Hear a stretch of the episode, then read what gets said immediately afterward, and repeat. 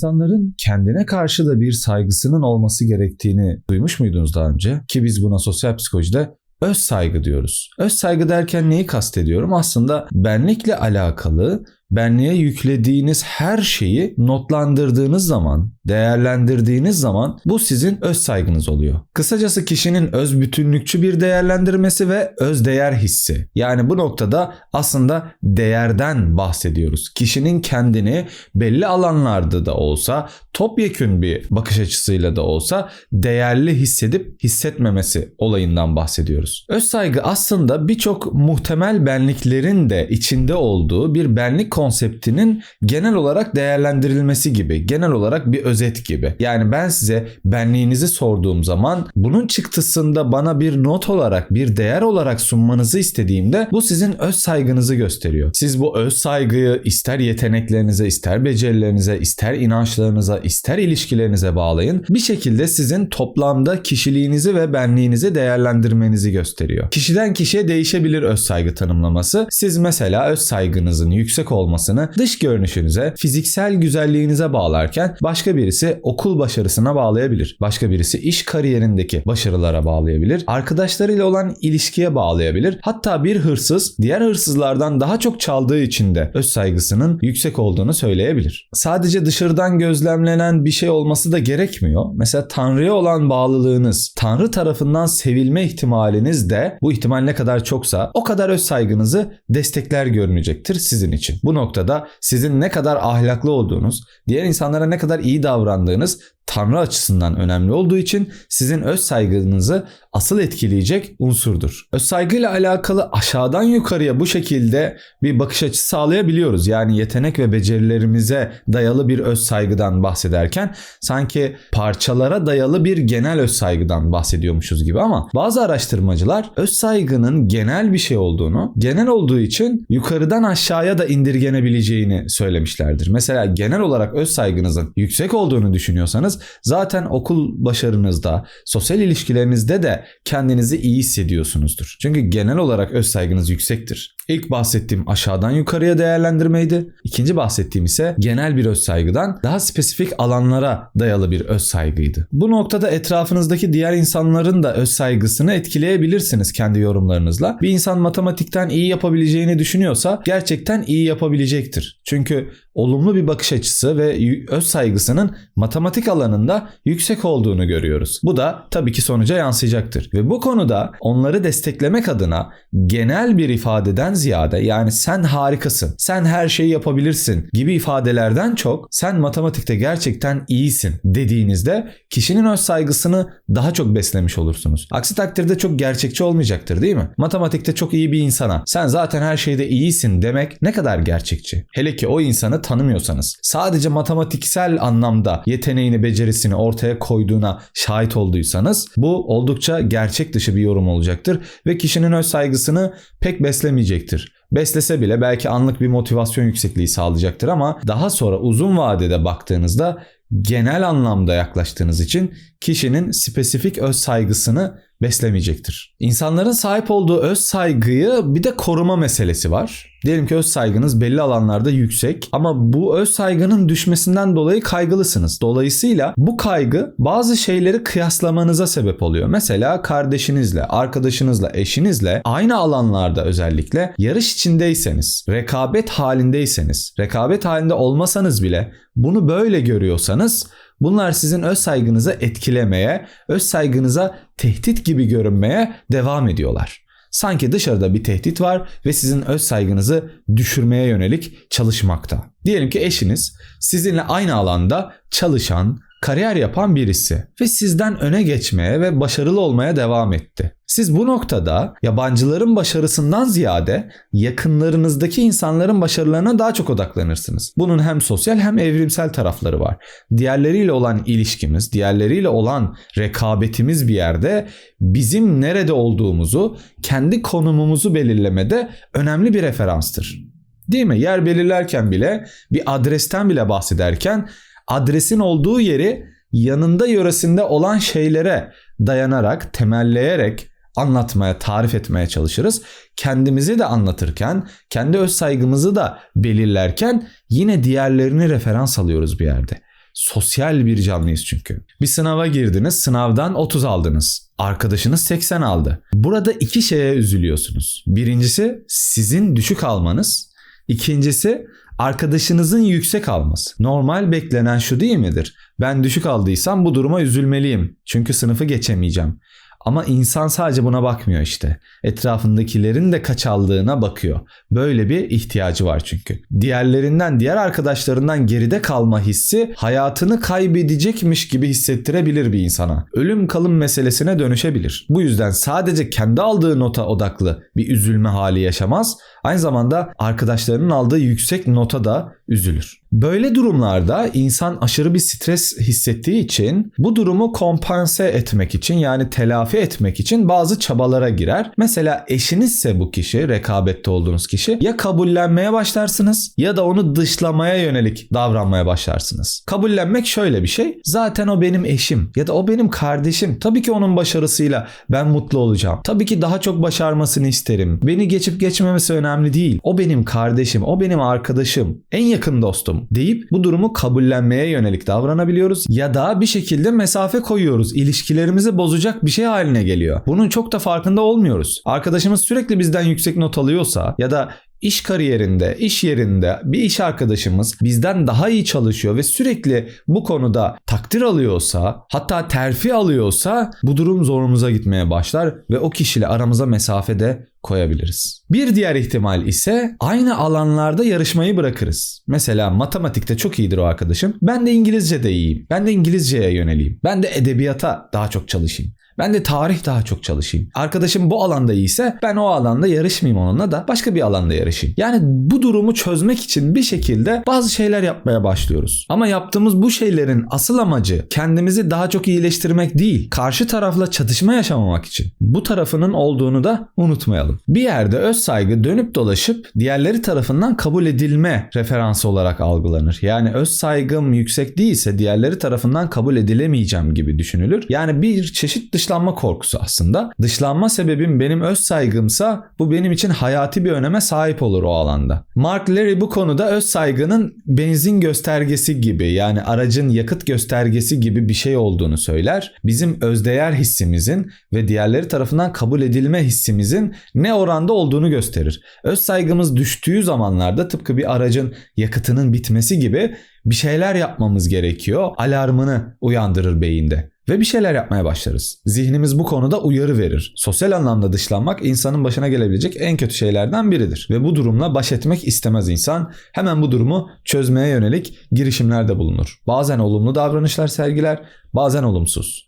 Bazen anlaşır, bazen kaçar. Bazen de alanı değiştirir. Jeff Greenberg başka bir bakış açısıyla yaklaşmıştır öz saygıya ve demiştir ki öz saygı madem ki diğerlerinin kabulüyle alakalı bir şey diğerleri tarafından kabul edildikten sonra neden hala en üste çıkmaya çalışır insan? Neden hala bir şeyleri başarmak ister ki? Bunun bir şekilde toplumun standartlarına uyma çabası olabileceğinden de bahseder. Öz saygımız asla şartsız gelişmiyor. Belli şartlara bağlı olarak gelişiyor ve biz de toplumun standartlarına göre öz saygımızı yükseltmeye, beslemeye devam ediyoruz. Toplumun standartları bu konuda bizim için çok önemli. Dolayısıyla toplumun standartlarını sürekli yerine getirme çabamız var. Toplum bizden ne bekliyorsa bu bizim için bir vazife, bir görev. Eğer bu noktalarda öz saygımız düşük olursa yani düşük öz saygılı olduğumuzda ne olacak ki mesela? Yani başımıza ne gelecek? Sonuçta fiziksel olarak bir şey yaşamıyoruz. Psikolojik olarak bir şey yaşıyor muyuz peki? Düşük öz saygılı insanların hayatlarına bakıldığında daha az para kazanan insanlar oluyor. Daha az başarılı olanlar, uyuşturucu kullananlar, alkol bağımlılığı, internet bağımlılığı gibi birçok psikolojik probleminde eşlik ettiğini görüyoruz. Ancak daha sonra birçok etken göz önünde bulunarak daha sınırlar net çizilerek incelendiğinde düşük öz saygıya sahip insanların uyuşturucu bağımlısı ya da herhangi bir psikolojik probleme sahip olmasından ziyade bu insanların çocukluğunda yaşadığı anılar, çocukluğunda yaşadığı yaşantılar ve deneyimlerin aslında onları bu noktaya taşıdığına yönelik yorumlar ve araştırmalar daha fazla. O yüzden sadece öz saygı düşüklüğü uyuşturucu bağımlılığa yol açıyor değil de öz saygı aracı bir etkiye sahip oluyor. Kişinin çocuklukta yaşadığı anılar, yaşantılar ve deneyimler öz saygısını düşürüyor Öz saygısı düştüğü için de kişi başarısız, değersiz, az para kazanan, fakir ya da psikolojik problemlere sahip olan kişiler haline gelebiliyor. Direkt bir etkisi olmasa da öz saygı bir şekilde çocukluk deneyimlerinden etkilendiği için dolaylı bir etkiye sahip. Kısacası öz saygının karanlık tarafları da var. Yani öz saygının yüksek olması her zaman iyidir anlamını çıkarmıyoruz biz buradan. Toplumun standartlarını yerine getirmek iyi hissettirir. Topluma uyum sağlamak, sosyal uyumu gerçekleştirmek bizleri iyi hissettirir ve öz saygımızı besler. Ancak öz saygımızı beslediği zaman bu bizim tamamen iyi olacağımız anlamına da gelmez. Örneğin Adolf Hitler'in öz saygısı çok yüksek ama 65 milyon insanın ölümüne sebep olan 2. Dünya Savaşı'nı tetikleyen kişidir kendisi. Bu tarz öz saygının karanlık tarafı ele alındığında ise akla yeni psikolojik problemler gelmeye başlamıştır. Öz saygı Madem ki bu kadar istediğimiz bir şey neden kötü tarafı da var, karanlık bir tarafı da var öz saygının ve bu karanlık tarafına ne diyebiliriz mesela? Narsizm dediğimiz şeye ulaşırız. Narsizmde öz saygının en yüksek halini görürüz. Ancak şöyle bir durum söz konusudur narsizmde. Öz saygıları yüksektir ancak sabit değildir. Dalgalanmalar görülür. Öz saygıları zaman zaman düşer. Düştüğü için aşırı bir üstünlük kompleksine girdiklerinden dolayı üstünlük sağlama çabaları sürekli sürekli sürekli onları meşgul eder. Zaten narsistlerle yaşıyorsanız etrafınızda tanıdığınız bir narsist varsa kendini sürekli üst pencereden gösterme ihtiyaçlarını anlayabilirsiniz. Normalde yüksek öz saygıya sahip insanların diğer insanlara ilişkilerin iyi olduğu görülür. İlişkisel anlamda diğer insanlara değer verdikleri görülür. Ancak narsistlerin öz saygısı yüksek olmasına rağmen bu kısımlarının düşük olduğu görülmüştür. Yani ilişkisel anlamda diğer insanların iyiliğini düşünme, onlara değer verme anlamında oldukça zayıflar. Diğer insanlardan farkı bu. Narsist insanlar başlangıçta size oldukça çekici ve dışa dönük görünebilirler. Ancak uzun vadeli ilişkilerinin sürekli bozulduğuna şahit oluruz. Bu noktada araştırmacılar narsizmi anlatırken sosyal psikolojide karanlık üçlü dedikleri bir gruplama içinde ele alırlar. Narsizm, makyavelizm ve antisosyal psikopati. Makyavelizm aslında diğerlerini manipüle etme durumudur. Narsistlerde e, çoğunda özellikle bu üçlü gruplamaya tanık oluyoruz. Öğrenciler arasında narsizm oranının yüksek olduğu öğrenciler tespit edilerek yazdıkları makalelere hileli bir yorum yapılmaları istenmiş diğer öğrencileri tarafından. Bir deneyde narsist öğrenciler tespit ediliyor ve diğer öğrencilerin narsist öğrencilerin yaptığı, yazdığı makalelere eleştiri sunmaları isteniyor. Tabii hileli eleştiriler. İşte hayatımda okuduğum en berbat makaleydi. Rezil bir makale. Böyle bir makale olmaz olsun tarzı bilinçli bir şekilde olumsuz yorumlar yapıldığı ve bir kısmının da bilinçli bir şekilde olumlu yorumlar yapıldığı bir deney yapılıyor. Bu deney sonucunda narsist öğrencilerin olumsuz yorum aldığı kişilere yönelik bir misilleme çabası içerisinde oldukları görülüyor. Yani narsist insanlar kendilerini eleştirenlere karşı bir savaş açıyor adeta. Bu durumu kabullenemiyorlar. Çünkü öz saygılarına tehdit olarak algılıyorlar bu durumu. Halbuki normal insanlar eleştirildiği zaman kendindeki eksikleri fark edip düzeltmeye yönelik çalışırken narsist insanlar bu durumu asla kabullenemez. Çünkü kendilerinin mükemmel ve kusursuz olduğunu düşünmek istedikleri için bu düşünceler onlara tehdit gibi gelir ve misillemeyle karşılık vermek isterler. Narsistler zaman zaman çok çekici, çok eğlenceli de olabilirler. Ancak bir nüktenin de söylediği gibi eğer onlarla karşılaşırsanız Tanrı yardımcınız olsun. Narsizmden sonra yapılan bazı araştırmalarda özellikle düşük öz saygıya sahip insanların sanki antisosyal davranışlar gösterdiğine dair bir bakış açısı, bir yorum vardı. Bunun üzerine yapılan çalışmalar şunu gösterdi. Düşük öz saygıya sahip insanlar aslında antisosyal olmalarının sebebi öz saygılarının düşük olması değildi. Yine aynı şekilde çocukluk deneyimlerine dayanıyordu. Yani bu insanlar zaten çocukken istismara çok maruz kaldıkları için öz saygıları düşüktü ve bu yüzden de saldırgan davranıyorlardı hayata karşı, diğer insanlara karşı.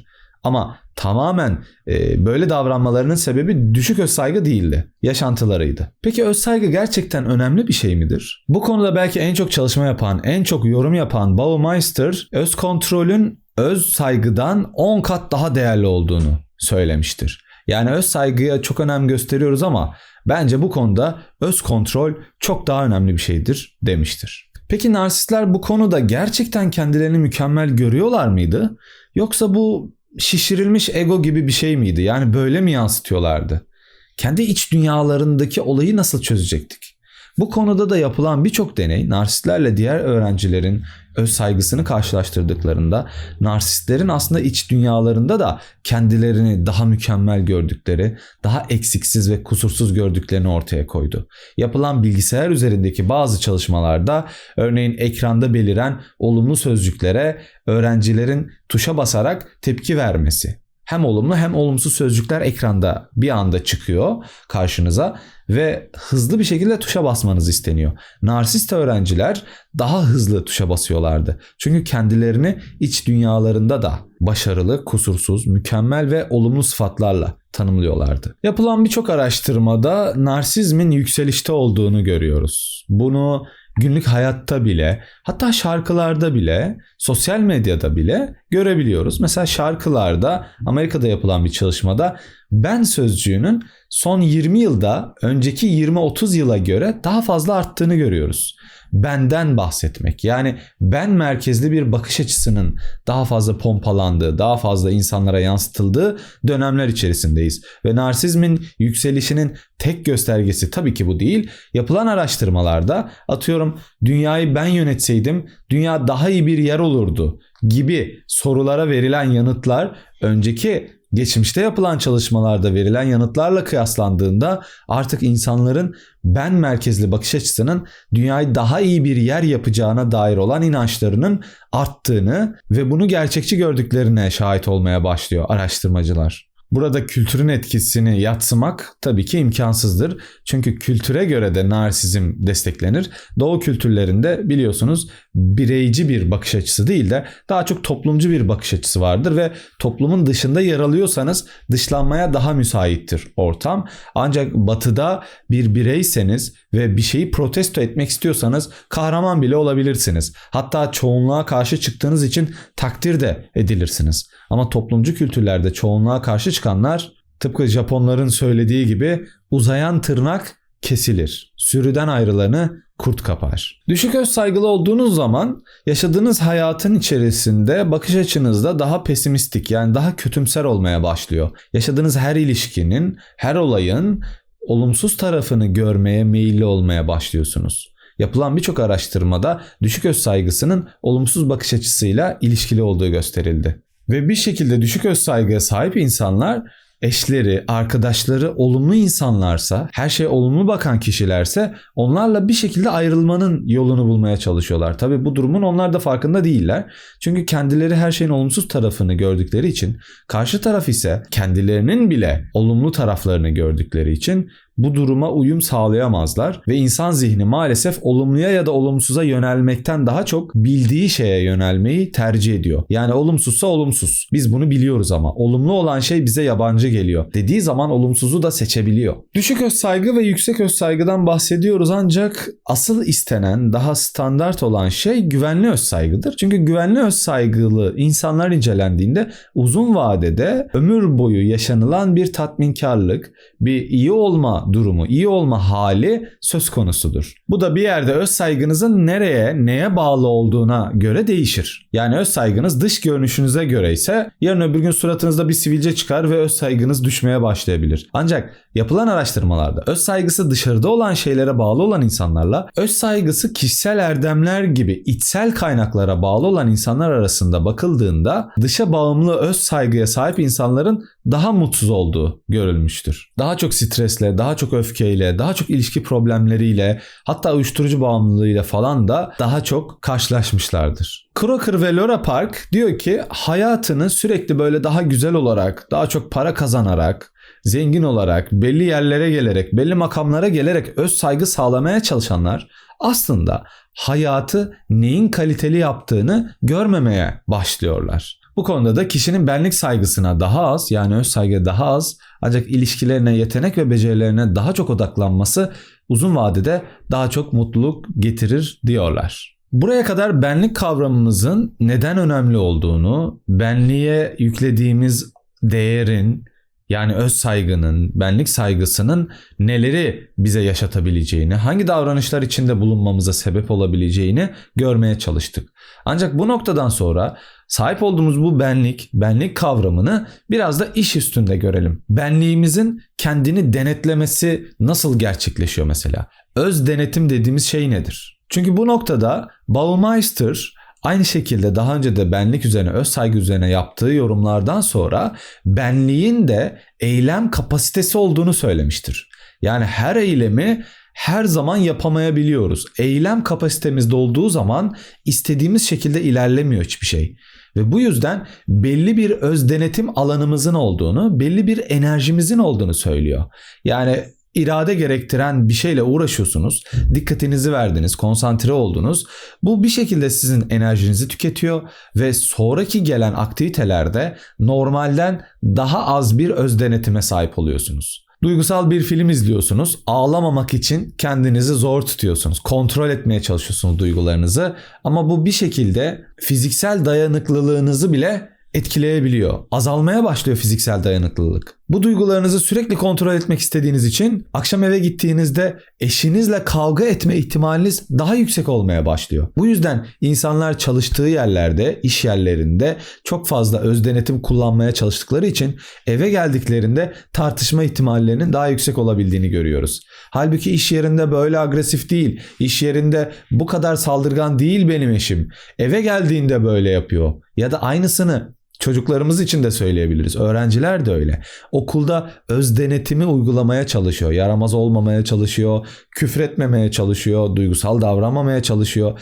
Öğretmenine saygısızlık yapmamaya çalışıyor. İçinden bunlar gelse bile. Ve bu bir şekilde onun enerjisini tüketiyor. Eve geldiğinde enerjisi tükendiği için artık içinden geldiği gibi daha dürtüsel davranmaya ve dürtüsel yaşamaya devam ediyor. Hatta bir çalışmada iradelerini belli bir noktaya odaklanmaları istenen öğrencilerin daha sonra eşleriyle, sevgilileriyle bir araya geldiklerinde daha fazla yakınlaştıkları, cinsel anlamda daha fazla yakınlaştıkları görülmektedir. Çünkü cinsel anlamda da bizler öz denetim kullanıyoruz. Şu an böyle bir ilişki yaşamamalıyım ya da daha sonra yaşamalıyım. Çoğu zaman cinsel arzumuz olsa bile bu bunu davranış haline dönüştürmeyiz. İşte bunların hepsine öz denetim sağlıyor aslında.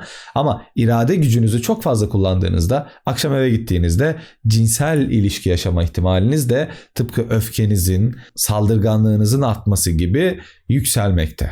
Tabi her ne kadar benliğimizin bu enerjisi geçici gibi görünse de benlik kavramımız bu durumu çok daha fazla etkiliyor. Yani ne düşündüğünüz de çok önemli. Örneğin bir deneyde bir zor görev veriliyor öğrencilere. Yarısına deniliyor ki hep başarılı olacağını düşün. Bu görevi bir şekilde başaracağını hayal et. Diğer gruba da bu görevi bitiremeyeceğini ve başarısız olacağını hayal et deniyor. Gerçekten de başarılı olacağını hayal edenler daha başarılı oluyor. Stanford'da psikolog olan Albert Bandura da bu konularla çok yakından ilgilenen birisiydi ve Bandura yeni bir kavramdan bahsetti öz yeterlilik diye bir şeyden. Yani öz saygıyı biliyoruz. Benlik kavramımızı biliyoruz. Bir de öz yeterlik diye bir şeyden bahsetti.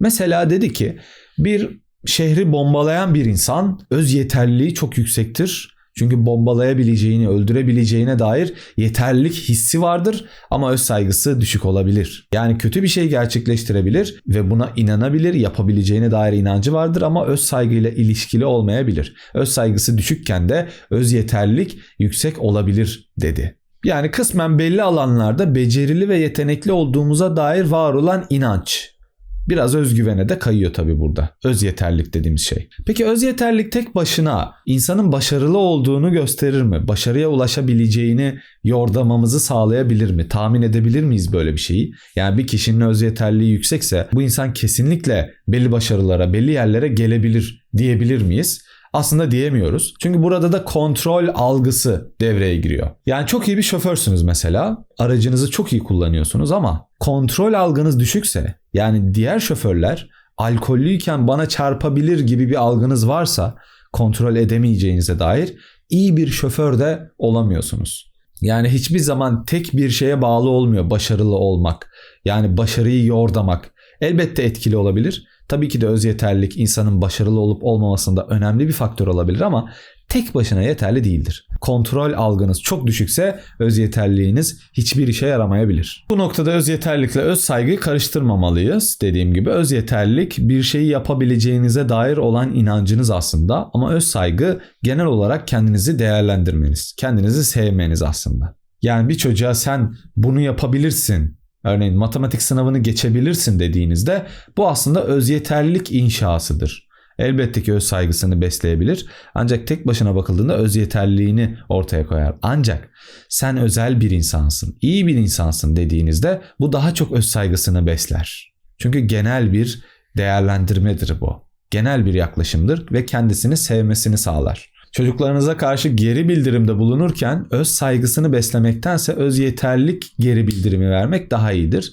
Yani evet sınavda çok gayret ettin, çok uğraştın gerçekten demek sen çok zekisin, istesen her şeyi yapabilirsin demekten daha iyi sonuçlar verebilir. Yani birini cesaretlendirmek, motive etmek istiyorsanız daha çok öz yeterliliğini besleyin, öz saygısını değil. Sonuç olarak öz saygımızın yüksek olması evet iyi bir şeydir. Öz yeterliliğimizin olması evet iyi bir şeydir. Ancak bunların yanında öz saygının karanlık tarafı dediğimiz yerlere girmeden, bu çukurlara düşmeden, narsizme uğramadan yaşamanın yolunu bulmalı ve bu şekilde hayata bağlanmalı. Sosyal ilişkilerini bu minvalde geliştirmeli ve yürütmeli insan. Ve şunu da öğrendik ki öz saygımızı içsel erdemlere, içsel kaynaklara bağladığımızda dışsal kaynaklara bağlayanlardan daha iyi bir hayat, daha iyi bir ömür sürdüğümüzü biliyoruz.